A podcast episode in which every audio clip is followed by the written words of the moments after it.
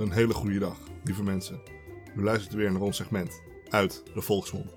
En vandaag zit ik hier wederom weer met Maya. Ik ben echt verbaasd. Dit is echt een van de eerste keren dat je intro zo verschrikkelijk professioneel heeft geklinkt. Ja, goed hè? Ja, dat is echt ge- geweldig. Dat is een goed Hey, idee. ik heb geoefend. Ja. Nou, welkom luisteraars eh, thuis eh, en onderweg. Ja, Jullie luisteren dus weer naar Uit de Volksmond, ons wekelijkse segment, waarin wij volksverhalen en sprookjes op magische wijze vertellen. En van, hé, godsdorie. En vandaag gaan wij het sprookje Blauwbaard doen. Uit Frankrijk, onze zuiderburen. Leeftijd 11 jaar, dus kinderen naar boven. Ga er lekker voor zitten. Veel luisterplezier. Dit is het sprookje van Blauwbaard. er was eens een man die op het platteland en in de stad mooie huizen bezat. En dat niet alleen. Hij had ook nog eens een heleboel zilver en goud. Mooie meubels met borduursel op de zittingen. En vergulde koetsen. Maar jammer genoeg had hij een blauwe baard. En dat maakte hem zo lelijk dat alle vrouwen en meisjes wegliepen als hij eraan kwam. Een van zijn buren, een deftige dame, had twee stel hele mooie dochters. En hij vroeg die mevrouw of hij met een van hen mocht trouwen. Het kon hem niet schelen met welke, maar de twee meisjes die wilden dat niet. Want behalve dan dat die blauwe baard zo lelijk was, Was er nog een reden? was er nog een reden. Het idee dat hij al met verschillende vrouwen getrouwd is geweest en niemand wist waar ze gebleven waren, om toch nog een liefde te winnen, nodigde Blauwbaard de meisjes uit om een week in een van zijn buitenhuis te komen logeren. Zij mochten hun moeder en drie of vier vriendinnen en ook nog wat andere jonge mensen uit de buurt ook gewoon gezellig meenemen. En dat deden ze. Een week lang hadden ze erg veel plezier. Ze hadden feestjes, ze gingen jagen en vissen en kregen allemaal heerlijke dingen te eten. Ze gingen geen enkele nacht naar bed, omdat ze het veel te druk hadden met spelletjes doen en pret maken. Kortom, het was allemaal zo fijn dat de jongste dochter begon te denken dat hun gastheer toch wel een aardige man was. Ja, maar dat is waarschijnlijk hoe die vorige vrouw ook eh, heeft gelokt. Lokken. Hengelen. Ja. en zodra zij weer thuis waren, vond de bruiloft plaats. Ongeveer een maand later vertelde Blauwbaard zijn vrouw dat hij voor minstens zes weken op reis ging, omdat hij belangrijke zaken moest doen. Hij zei dat zij haar best moest doen om zich tijdens zijn afwezigheid niet te vervelen. En hij stelde voor dat zij een paar vriendinnen te logeren zou vragen veel plezier samen zouden maken. Hier zijn de sleutels van mijn grote voorraadkamers waarin mijn mooiste meubels staan. En deze sleutels zijn van de kasten waarin het zilveren en het gouden vaatwerk ligt dat wij alleen op feestdagen gebruiken en niet op andere dagen. Deze sleutels zijn van mijn brandkasten waarin al mijn gaat, mijn zilver en al mijn geld ligt. Met deze sleutel hier, de vierde, kun je eigenlijk de kisten met juwelen openmaken. Gewoon alles, weet je, alles wat ik heb. En hier heb je de sleutel waarmee je alle kamers open kunt doen. Maar dit kleine sleuteltje past op het kleine kamertje aan het einde van de gang op de benedenverdieping. Luister goed, moet je eens luisteren. Je mag alles openmaken wat je wilt, alles. Je mag in al mijn kamers komen, behalve dit ene kamertje van die kleine sleutel. Dat verbied ik je ten strengst. Zij beloofde Blauwbaard dat zij niet ongehoorzaam zou zijn. En nadat Blauwbaard zijn vrouw nog een keer had omhelst, stapte hij in de koets en ging die op reis. Maar wacht. Hij geeft dat kleine sleuteltje dus mee, terwijl hij eigenlijk gewoon het mee had kunnen nemen op reis. En dan had ze geen toegang kunnen hebben tot die kleine kamer. Want ergens denk ik dat er iets mee gaat gebeuren met het kleine kutsleuteltje. Wow, Het is niet de eerste keer dat we schelden hè, op de podcast. taalgebruik. Nou, ja, oké. Gebruik van taal. Ja, zeker, ja. 10 voor taal. Maar jij kreeg een 9. Dankjewel, Cap. Oké, maar ga, ver- ga verder. Nee, nee, nee. Dat, daar wilde ik wel een reactie op eigenlijk. Het kleine sleuteltje, ben je het daarmee eens? Ben ik hij het daarmee eens? Had hij net zo goed mee, mee op reis kunnen nemen, was er geen probleem geweest later in het sprookje. Ja, maar ik ken het sprookje al. Ik weet, ik weet alles wat er gaat gebeuren. Dus er komt geen probleem met dat sleu- sleuteltje wat apart wordt aangeduid, hè, waar nog een waarschuwing voor... Het is nog nooit gedaan, hè. Er is nog nooit een waarschuwing gemaakt en dat die verbroken is in sprookjes. Dat is zeer zeker waar. Dat zou heel erg origineel zijn van Ja. dit verhaal als dat zou gebeuren. Laten we verder gaan. Het jonge vrouwtje hoefde haar buren en vriendinnen helemaal niet uit te nodigen om haar te komen bezoeken. Ze kwamen allemaal uit zichzelf, omdat zij dolgraag alle mooie dingen in het grote huis wilden zien. Als Blauwbaard thuis was, zouden ze dat nooit durven. Maar nu liepen zij alle kamers in en keken ze alle kasten. Ze zeiden tegen hun vriendin dat zij het wel goed had getroffen en dat ze haar vreselijk aan het benijden waren. Maar de vrouw van Blauwbaard hoorde dat nauwelijks. Die wilde alleen maar verschrikkelijk graag weten wat er in dat kleine kamertje op de benedenverdieping was. Ja. Zij was zo vreselijk nieuwsgierig dat ze bijna over haar eigen voeten struikelde toen ze de trap afholde. Bij de deur van het kleine kamertje gekomen, bleef ze even staan. Ze dacht aan wat haar man had gezegd. Luister goed. Je mag in al mijn kamers komen behalve dit ene kamertje van die kleine stad. Dat verbied ik je ten strengste.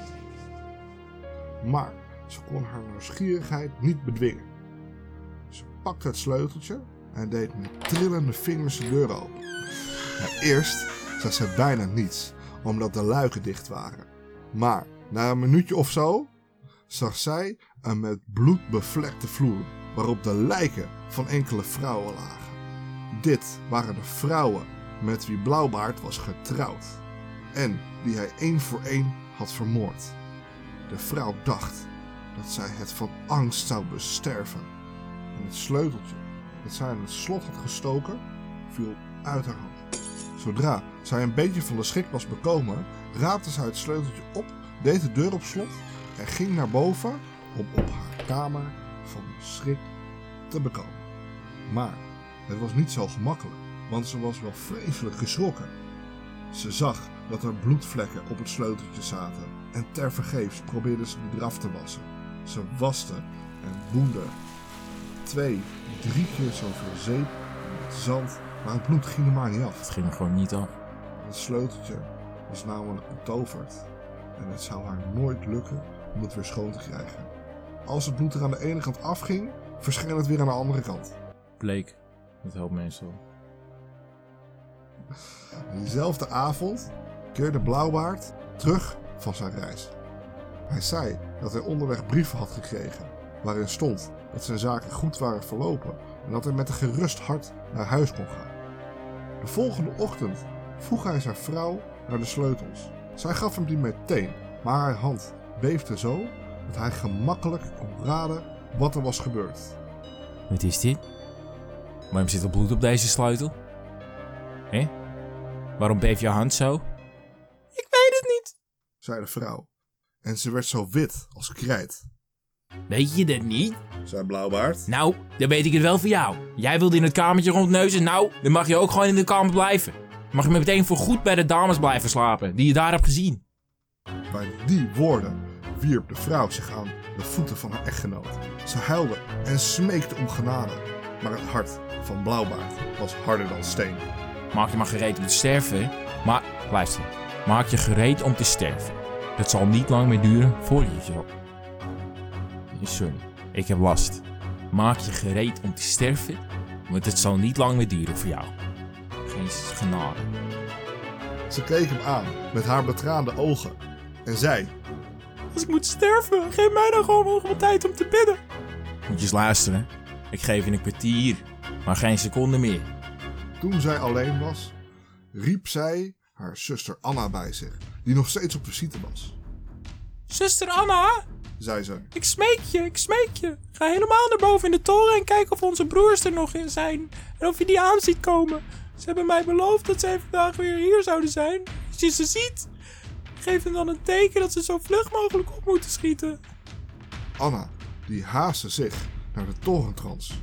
En de arme, angstige vrouw, die riep. Anna, zuster, zie je nog iemand komen? Maar zuster Anna, die riep. Ik zie alleen de zon die het zo stoffig maakt. En alleen het gras dat zo groen is, maar niemand verder. Intussen had Blauwbaard een groot zwaard gehaald en haar schreeuwde tegen zijn vrouw. Kom onmiddellijk naar beneden, of moet ik je komen halen? Nog eventjes, alstublieft. Riep zijn vrouw terug en zij vroeg weer aan haar zuster. Anna, zie je nog iets komen? En zuster Anna die antwoordde. Ik zie alleen maar de zon, die is zo stoffig maakt. Sorry, geen mensen. Oh, en het gras dat zo groen is, maar dat zijn ook geen mensen. Moet je eens luisteren. Kom onmiddellijk naar beneden, want anders kom ik naar boven. Ik kom eraan, ik kom eraan. Antwoordde zijn vrouw en zij riep. Anna, zuster, zie je nog iets eh, aankomen? Ik zie een grote stofwolk die onze kant uit komt. Riep Anna terug. Zijn het onze broers? Ach nee, lief zusje, ik denk dat dit een kudde schapen is. Kom je nog of kom je niet? Schreeuwde Blauwbaard. Nog één minuutje. Riep zijn vrouw. En zij riep. Anna, zuster, Anna, zie je nog iets komen? Ik zie twee ruiters, Zei haar zuster. maar ze zijn nog een heel eind weg. De hemel zijn dank. Zei de vrouw. Vol vreugde. Dat zijn onze broers. Ik zal proberen ze een teken te geven dat ze op moeten schieten. Nu brulde Blauwbaard zo hard van woede dat het hele huis ervan trilde. De angstige vrouw die ging naar beneden en wierp zichzelf opnieuw aan zijn voeten. Tranen stroomden over haar wangen en vielen voor haar gezicht, Dat gejammer helpt je niks. zei Blauwbaard. Je moet sterven. Hij greep haar met zijn ene hand bij de haren en wilde haar met zijn zwaard onthoofden.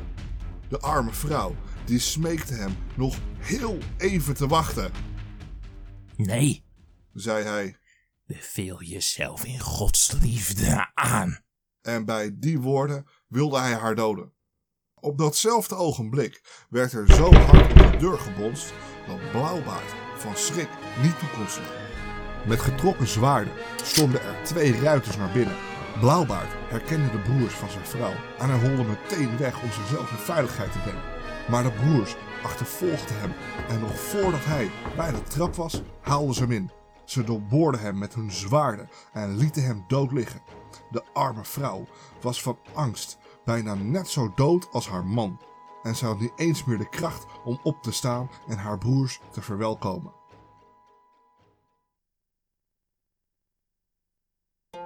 De vrouw van Blauwbaard, die erfde al zijn rijkdommen. Een gedeelte daarvan gebruikte zij om haar zuster Anna te laten trouwen. Met een man die al heel lang van haar hield. En ook haar broers gaf zij een heleboel geld. Zodat zij zichzelf een positie als kapitein konden verwerven. De rest van het geld, dat hield ze zelf. Om met een hele brave man te trouwen. Die zorgde ervoor dat zij al gauw niet meer terugdacht aan de verschrikkelijke dingen die zij in het huis van Blauwbaard had beleefd. En zo zijn we aan het einde gekomen van het sprookje van de enige, de echte Blauwbaard. Met zijn blauwe baard. Zijn lelijke blauwe baard. Ja, het was wel een hele lelijke baard. Zeker, met zijn geld. Wie, eh, wie zou die brave man zijn geweest? Wie zijn, wat is nou een bekende Nederlander die een brave man is? Ik denk aan Gerard Joling bijvoorbeeld. Dat is wel een... eh, Is dat een brave man? Ja, dat is braaf, ja. Ja? Of bijvoorbeeld ehm Jamai. Is ook wel een braaf Jamai? Ja, Jamai is ook wel ja. braaf? Ja, Oké, ja. zeker weten. ja. nee, nee, die kerel van The Voice, hoe heette die ook alweer? Gordon. Die, die in de jury, toch? Gordon? Nee, nee, nee. Oh, welke? Nee, die, die eerste Voice, dat is een braaf kerel. Oh ja. Eh Ruudje Kot, toch? Nee, dat was niet Nee, dat is- Ik weet niet hoe die heet. Maakt niet uit. Oh, Jeroen van der Boom. Ja, Die heeft Jeroen van der gewonnen. Boom, die heeft hem gewonnen. Die Ja, heeft daar- zeker. The Voice, hè? Jer- Jeroen van der Daar- Boom wint alles. Maar ehm, ja, welk cijfer wil je dit sprookje geven? Nou, ik denk toch wel een goede 7. Zeker. Ik vond, ik ik vond het een spannend sprookje. Dat is wel een mooi cijfer. Ik sluit me er volledig bij aan. Ja. En zoals altijd ehm, ga ik bij dit sprookje ook een toelichting doen. Oh, spannend. Ook weer zo uit je hoofd? Ehm, dit keer is het eh, uit mijn hoofd, ja. Oké, oké. Nou, Net zoals de vorige keren. Ja. Blauwbaard. Dus is een authentiek sprookje, eh, opgetekend door eh, de Fransman Charles Perron. Want het is een Frans sprookje. In de sprookjes van Moeder de Gans. Dat was de bundel. Interpretaties van dit sprookje zijn uiteenlopend. Vaak wordt Blauwbaard voorgesteld als een seriemoordenaar. een beest ook wel. En ehm, in dit sprookje is het ruimtelijk aspect van groot belang. De afgesloten kamer staat symbool voor nou, geheimen eigenlijk, leugens eh, enzovoort. En, ehm, en die leugens, die bestaan binnen elke relatie. Dat is het metafoor. Ook binnen die van man en vrouw. En dat waren ze, Blauwbaard en een vrouw. Er is ook een rijmversie van dit verhaal. Blauwbaard in rijmvorm, ook wel. De versie uit, nou ja, even, dan gaan we kijken naar andere landen. Eh, er is een versie uit Hongarije. Die heet eh, Blauwbaard van Dombovar.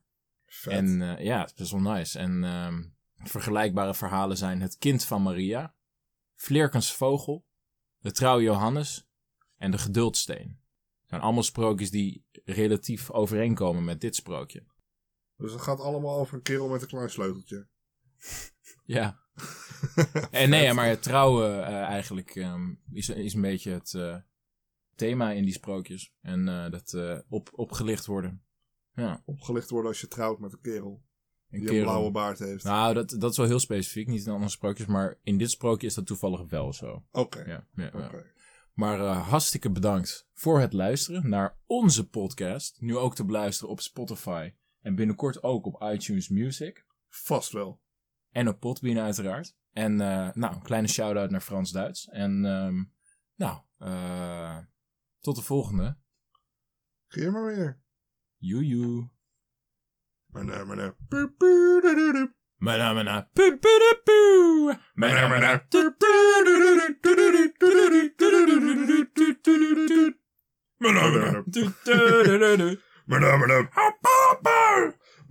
boo.